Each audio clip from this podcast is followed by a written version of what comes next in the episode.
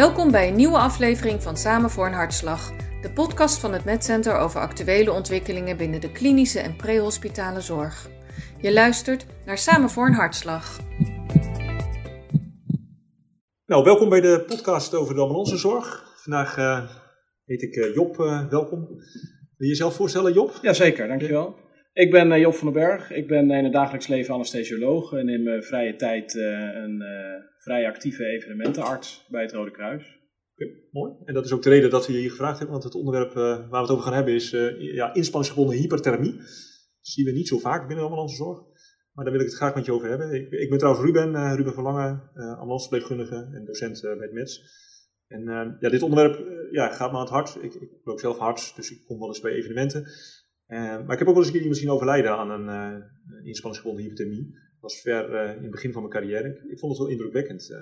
maar heb je zelf ook wel eens gezien? Ja, zeker. Ja, overlijdens gelukkig zijn we bespaard gebleven. Maar ik ben wel uh, vrij actief vanuit het Rode Kruis betrokken geweest bij de hele ontwikkeling. Uh, in de afgelopen jaren is er natuurlijk behoorlijk wat om te doen geweest om uh, hyperthermie bij inspanning. Mm -hmm. En zijn er ook een hele hoop goede ontwikkelingen geweest om inderdaad te voorkomen dat, um, dat mensen overlijden aan, aan, aan hyperthermie. Want het is inderdaad een hele gevaarlijke um, en vaak enorm onderschatte aandoening die je als sporter kan overkomen. Ja.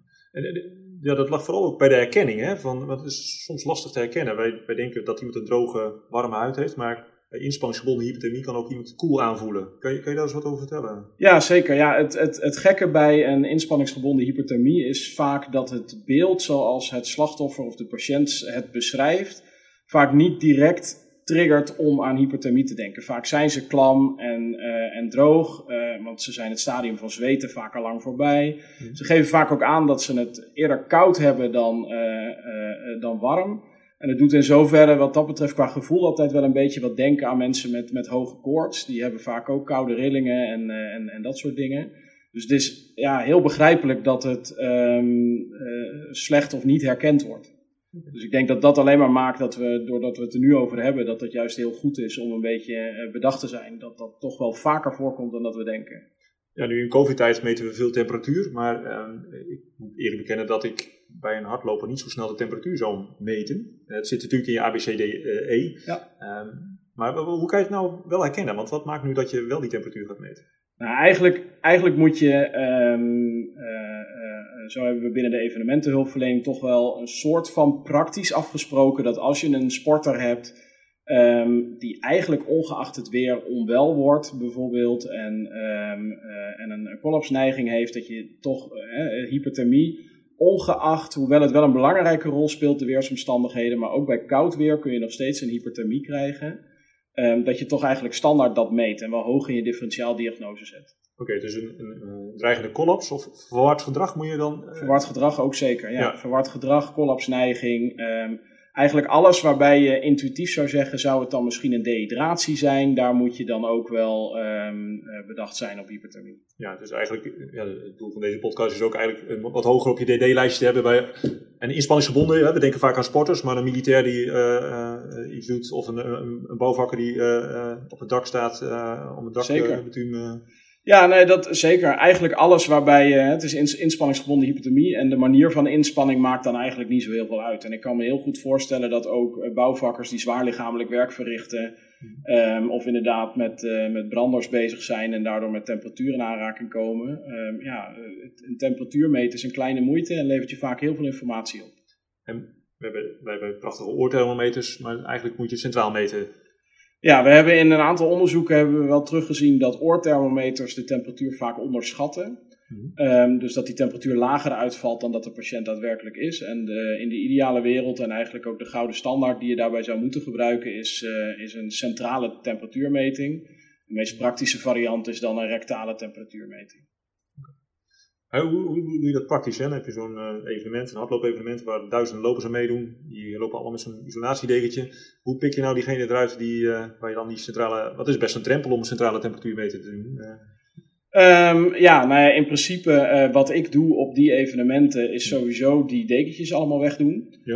Um, en er zijn ook steeds meer sportevenementen die juist die dekentjes, want vroeger dachten we allemaal dat het goed was, hè, want ze hadden zo hard hun best gedaan. Ja. En dus we geven ze even een dekentje, daar kunnen ze even lekker bij komen. Ja. Nou, daar zijn we nu dus enorm van teruggekomen, want juist met die dekentjes kook je ze eigenlijk langzaam op. Ja.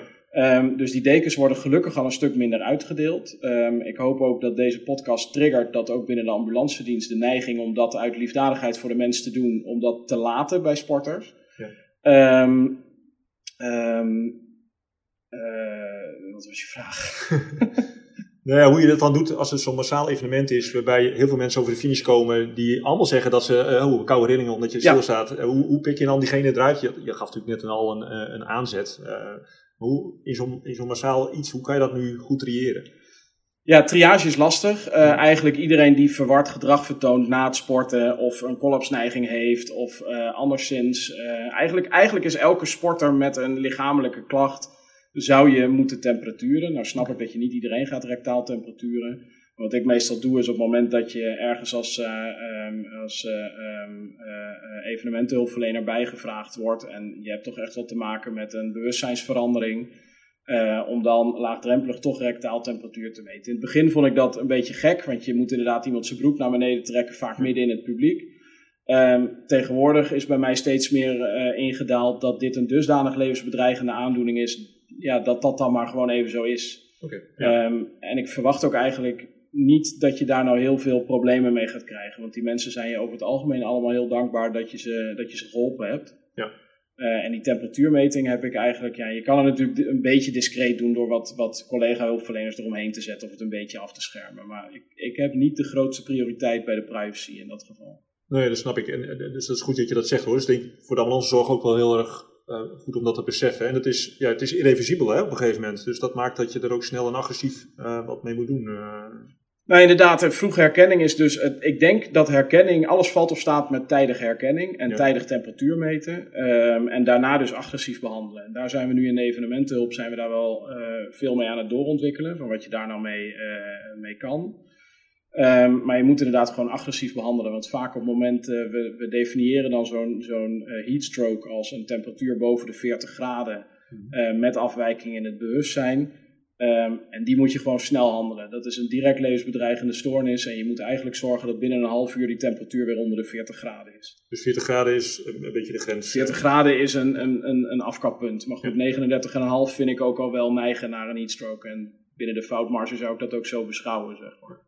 Ja, je hebt de, de Engelse term heatstroke, maar je hebt ook hittebroerte, zoals ook in, in ons uh, protocol uh, genoemd staat. Zit daar nog verschil tussen of is dat hetzelfde? Nee, daar zit in principe geen verschil tussen. Nee. Dat is inderdaad de, de, de, de termen die ze er in de literatuur aanhangen.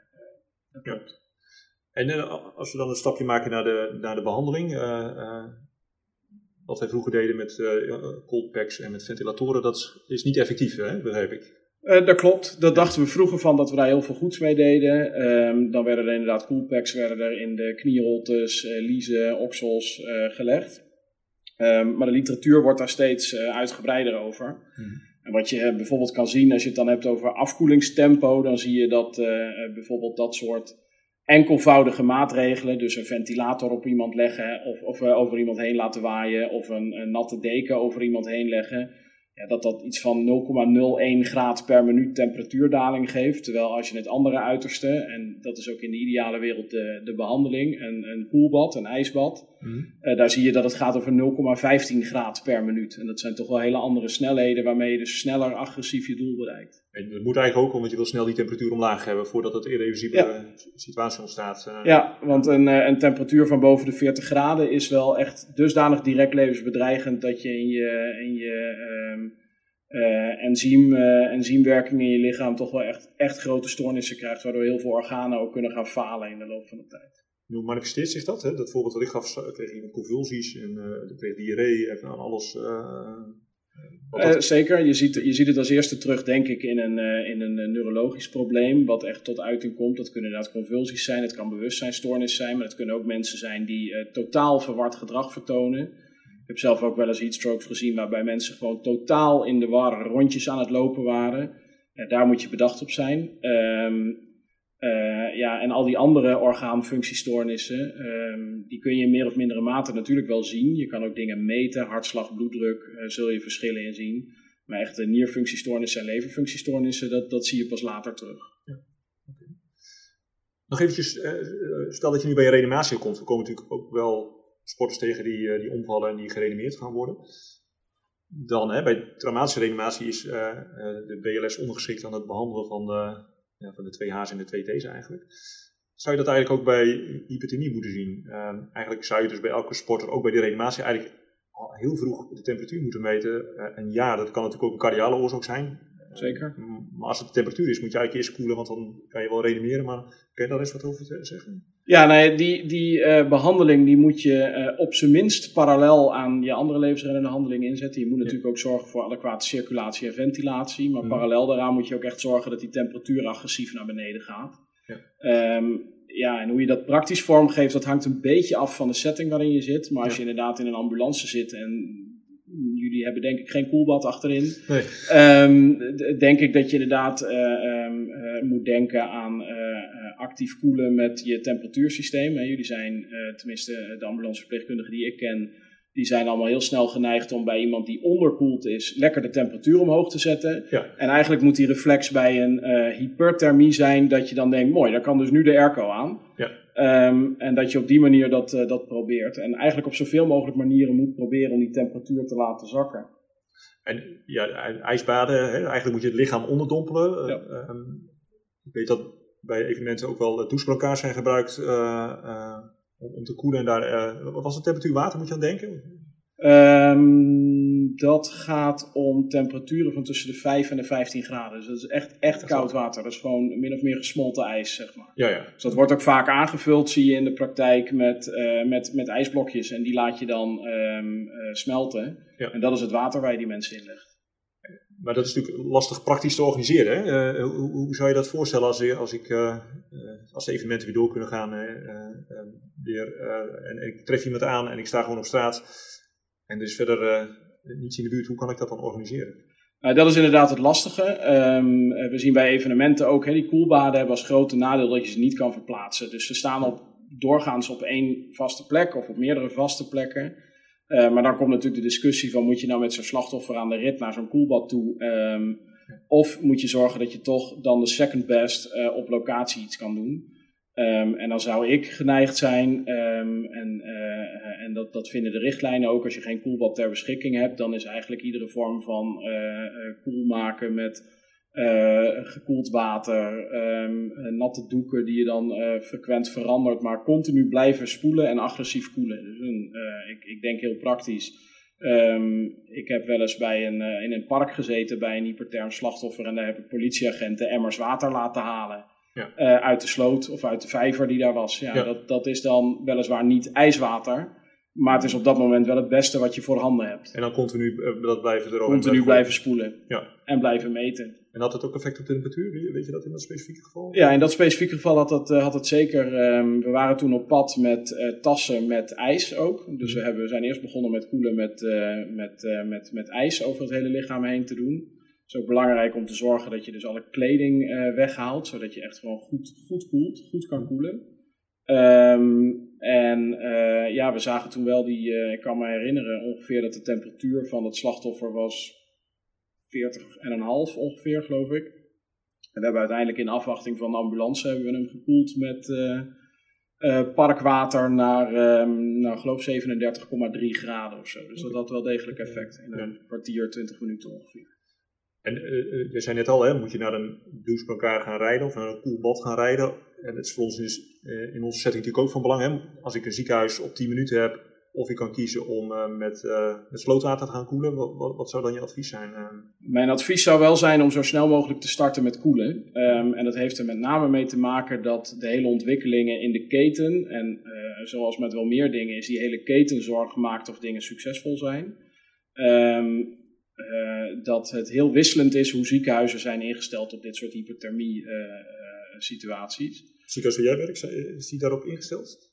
Um, nou ja, als, als je eraan denkt, kan het wel. Maar het is niet zo dat wij in het ziekenhuis op voorhand al uh, douchebrancards en dergelijke hebben om op die manier te koelen.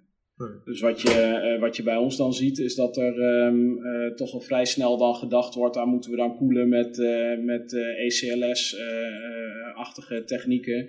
Of inderdaad komen toch weer de ventilatoren, die dus bewezen suboptimaal zijn, weer naar voren. Omdat dat toch doorgaans um, nog weer de gedachte is dat dat heel effectief zou zijn. Maar dat is het dus niet. dus, maar dat is voor mij de keuze op straat van als ik naar het ziekenhuis ga, waar ze het ook nog moeten organiseren. En uh, uh, eCPR uh, of ECMO, dat, dat kan, maar dat kost ook even tijd natuurlijk. Dan, dan zou gewoon op straat koelen de beste optie zijn. Ik denk het, waar het slachtoffer het meest bij gebaat is, is snel en agressief koelen. Dus heeft hij een temperatuur van boven de 40 graden of hangt hij daar tegenaan, koel dan eerst tot een acceptabele temperatuur. Want daarmee koop je dus tijd verderop in de keten. Dus eerst, eerst koelen en dan um, uh, uh, verder gaan. Maar dat is echt een levensreddende, ja. levensreddende maatregel. we hadden het net al over die reanimatie, dus ook bij die reanimatie geldt, dan uh, laat vooral simultaan die BLS ook opstarten, maar denk ook aan, aan hypothermie. Mm -hmm dan water eroverheen gooien terwijl je ook aan het reanimeren bent. Hoe zie je dat praktisch? Want dat lijkt me ook wel een uitdaging. Nou, dat is, dat is, ook, dat is ook heel lastig. Ja. Um, zeker als je het hebt over koel baden, dan is dat minder effectief. Uh, dus daar is ook nog volop ontwikkeling. Want het is echt een topic wat de afgelopen jaren heel erg is gaan spelen. Dus waar nu ook steeds ieder jaar weer een beetje verbetering in plaatsvindt. Dan zijn die douchebankaars natuurlijk ideaal, want daar kun je... Um, Stop uittrekken en het... Uh... Uh, nou ja, daar, daar liggen ze vaak ook. Um, ja, daar kun je ze net, net onder water leggen en dan kun je dus nog wel adequaat uh, hartmassage geven. Mm. of je kan ze blijven spoelen terwijl je hartmassage geeft. Ja, en ik vrees dat in dat geval we gewoon moeten accepteren dat de hulpverlener ook natte kleren krijgt. Ja, ja oké. Okay. Ja, ja dat is niet anders. Ja. En, kan je dan ook al spreken over dat het irreversibel is als je naar reanimatie komt, of kan je dat niet zeggen? Nee, ik zou het zeker zien als reversibele oorzaak. Um, het is een forse enzymatische uh, uh, stoornis zeg maar, die je krijgt en die kun je uh, herstellen. Um, de mortaliteit is hoog, dus er gaan een hoop mensen dood aan. En ik denk dat een reanimatie echt een laatste uiting is van een hele ernstige hitteberoerte of heatstroke. Ja. Um, dus ja, dat die overlevingskansen kleiner zijn, ja, dat, dat denk ik wel. Uh, maar irreversibel zou ik het niet noemen. Oké, okay, dus dat heeft wel degelijk zin om Zeker, dan, uh, absoluut. Uh, ja. is er een, kan je iets zeggen over, kan je iets zien wanneer het irreversibel is of kan je dat niet stellen? ik denk dat je dat niet zo kan stellen. Nee. nee. Okay. Dus je moet eigenlijk altijd koelen en op transport. ja. Op een gegeven moment. ja. En je zei op straat koelen, dat lukt hè, met de emmers water eroverheen. maar achter in de ambulance is dat ook natuurlijk een... Uh... Ja, is uh, vloeibaar water denk ik wel een, uh, een, een lastige... dan moet je de achterdeuren open houden en dan over de snelweg. Ja. Um, ja, dat is dus heel lastig. Maar ik hoop inderdaad dat op zijn minst um, reflexmatig de koeling van de ambulance naar beneden... Of nou, de koeling omhoog, dus de temperatuur naar beneden... Um, ja, en, en ik hoop dat in de toekomst de ambulance diensten, want ik, nou, misschien weet jij dat zelf wel, hoe jullie dat nu hebben ingeregeld, wat voor koelmogelijkheden jullie nu hebben. Ja, we hebben Echo en dat is het. Ja, dus ik hoop dat daar in de toekomst, um, wellicht de LPA 9, dat daar nog uh, meerdere stappen in genomen worden. Zodat ook, hè, want dat is het vaak, je moet ook de mogelijkheden hebben om daar iets mee te doen. Ja. En die zijn nu, uh, nou, zoals je zelf al zegt, redelijk beperkt. Dus ik hoop dat daar in de toekomst zeker uh, wat mee gedaan wordt. Dat jullie meer handreikingen krijgen om daar iets mee te kunnen. En kan je ook zeggen van eigenlijk moet je pas op transport als de temperatuur, als je een bepaalde temperatuur hebt bereikt of zo, zou dat nog een. Ja, dat vind ik een, een, gevaarlijke uitspraak, omdat ik daar niet helemaal van met zekerheid durf te zeggen wat daar de, de, de wetenschappelijke bewijslast van is. Mm -hmm. um, het, het, enige wat ik kan blijven herhalen is uh, dat agressief koelen is direct levensreddend. Dus ik zou zeker proberen om die temperatuur beneden de 40 graden te krijgen. Um, en, uh, en dan uh, transport te overwegen. Oké. Okay. En kan dat ook weer stijgen daarna? Uh, ja, zeker. Ja, ik, uh, een hele praktische casus die ik heb meegemaakt was inderdaad um, uh, nou, datzelfde slachtoffer waarmee we dus met, met parkwater hebben gekoeld. Die ging met 37,3 graden dus de ambulance in. Mm-hmm. Um, en uiteindelijk heb ik teruggehoord gekregen um, dat de, de temperatuur bij aankomst in het ziekenhuis inmiddels alweer rond de 40 graden was. Dus het, ondanks het koelen is die toch weer gestegen? Ja, zeker. Ja. En dat daarbij dus ook de gedachte was van hebben ze nou in het veld wel goed gekoeld. Maar dit soort dingen, um, het is een heel hardnekkig probleem en je zult dus ook moeten blijven koelen totdat je echt die temperatuur er goed uit hebt en het dus ook niet weer stijgt. Ja. Je moet ook heel terughoudend zijn, denk ik, met die mensen die een ernstige heatstroke hebben gehad, om die dezelfde dag nog weer naar huis te sturen. In ieder geval Kun je dan verklaren waarom die temperatuur dan weer stijgt? Want uh, eigenlijk zijn ze uit de warmte, ze spannen zich niet meer in, ze zijn al gekoeld tot 37 graden. Wat maakt dan dat dat na-effect nog bestaat? Ja, dat durf ik niet helemaal met zekerheid te zeggen. Maar ik denk dat dus inderdaad uh, in, de, de, in, in de kerntemperatuur dat die nog steeds blijft stijgen en dat die warmte dus nog steeds actief weg moet. En er zal dus waarschijnlijk ook een bepaalde vorm van ja, inwendige temperatuurstijging zijn, zeg maar. Oké, ja. Dat, dat, moet je dus blijven, eigenlijk langere tijd blijven. En je moet het goed in de gaten houden. De, het is, uh, dus die herkenning geldt eigenlijk doorlopend. Dus je moet continu blijven meten. Um, het is ook denk ik verstandig om in het ziekenhuis, maar goed, dat is ook wat voor afspraken je hebt als ziekenhuis, om die rectale temperatuur bijvoorbeeld. Ik zou dan aan temperatuurzonde zou ik aan denken. Dan kun je dat continu in de gaten houden. In onze regio hebben we dat ook op onze, op onze monitor. Uh, ja, dat is natuurlijk super ideaal. Ja, want dan kan je gewoon goed monitoren wat er gebeurt. Uh, nou, dat is denk ik de hele crux van de hypothermiebehandeling. Zorgen dat je gewoon uh, dat je, dat je het goed meet en goed vervolgt, zodat je niet verrast wordt door plotselinge dingen. Ja. Als je aan het begin een keer een temperatuur meet en aan het einde een keer een temperatuur, en dan weet je dus eigenlijk maar heel beperkt wat je nou, wat voor effect je behandeling gehad heeft. Een collega die zei heel slim, hè, wij maken gebruik van de supervoltage uh, devices. Hè, dat binnen allemaal zorgt natuurlijk uh, gemeengoed. En uh, wij maken gebruik van iGel en er zit een maas van de poort. Zou je die temperatuurproop ook door die uh, poort kunnen doen? Um, Praktisch wat makkelijker dan hoef je niet te draaien. Maar... Ja, nou ja, in principe is een œsophageale temperatuur is ook een, eh, een, een kerntemperatuur. Ja. Um, durf niet helemaal te zeggen of dat één op één uitwisselbaar is met een rectale temperatuur. Want de, de, de algemene opinie is dat een rectale temperatuur de gouden standaard is bij, um, uh, bij dit soort letsels. Maar ik denk dat een œsophageale temperatuur zeker een goed alternatief is. Ja, ja, je mist dan wel je maagzonde, dus dat heeft ook weer nadelen. Ja, uh, ja die passen niet samen door de iGel. Nee, dat nee, nee, dus je moet daar een balans in maken. Dus uh, zou, zou je daar een advies over kunnen geven? Of ja, het is lastig wetenschappelijk aan te geven wat dan...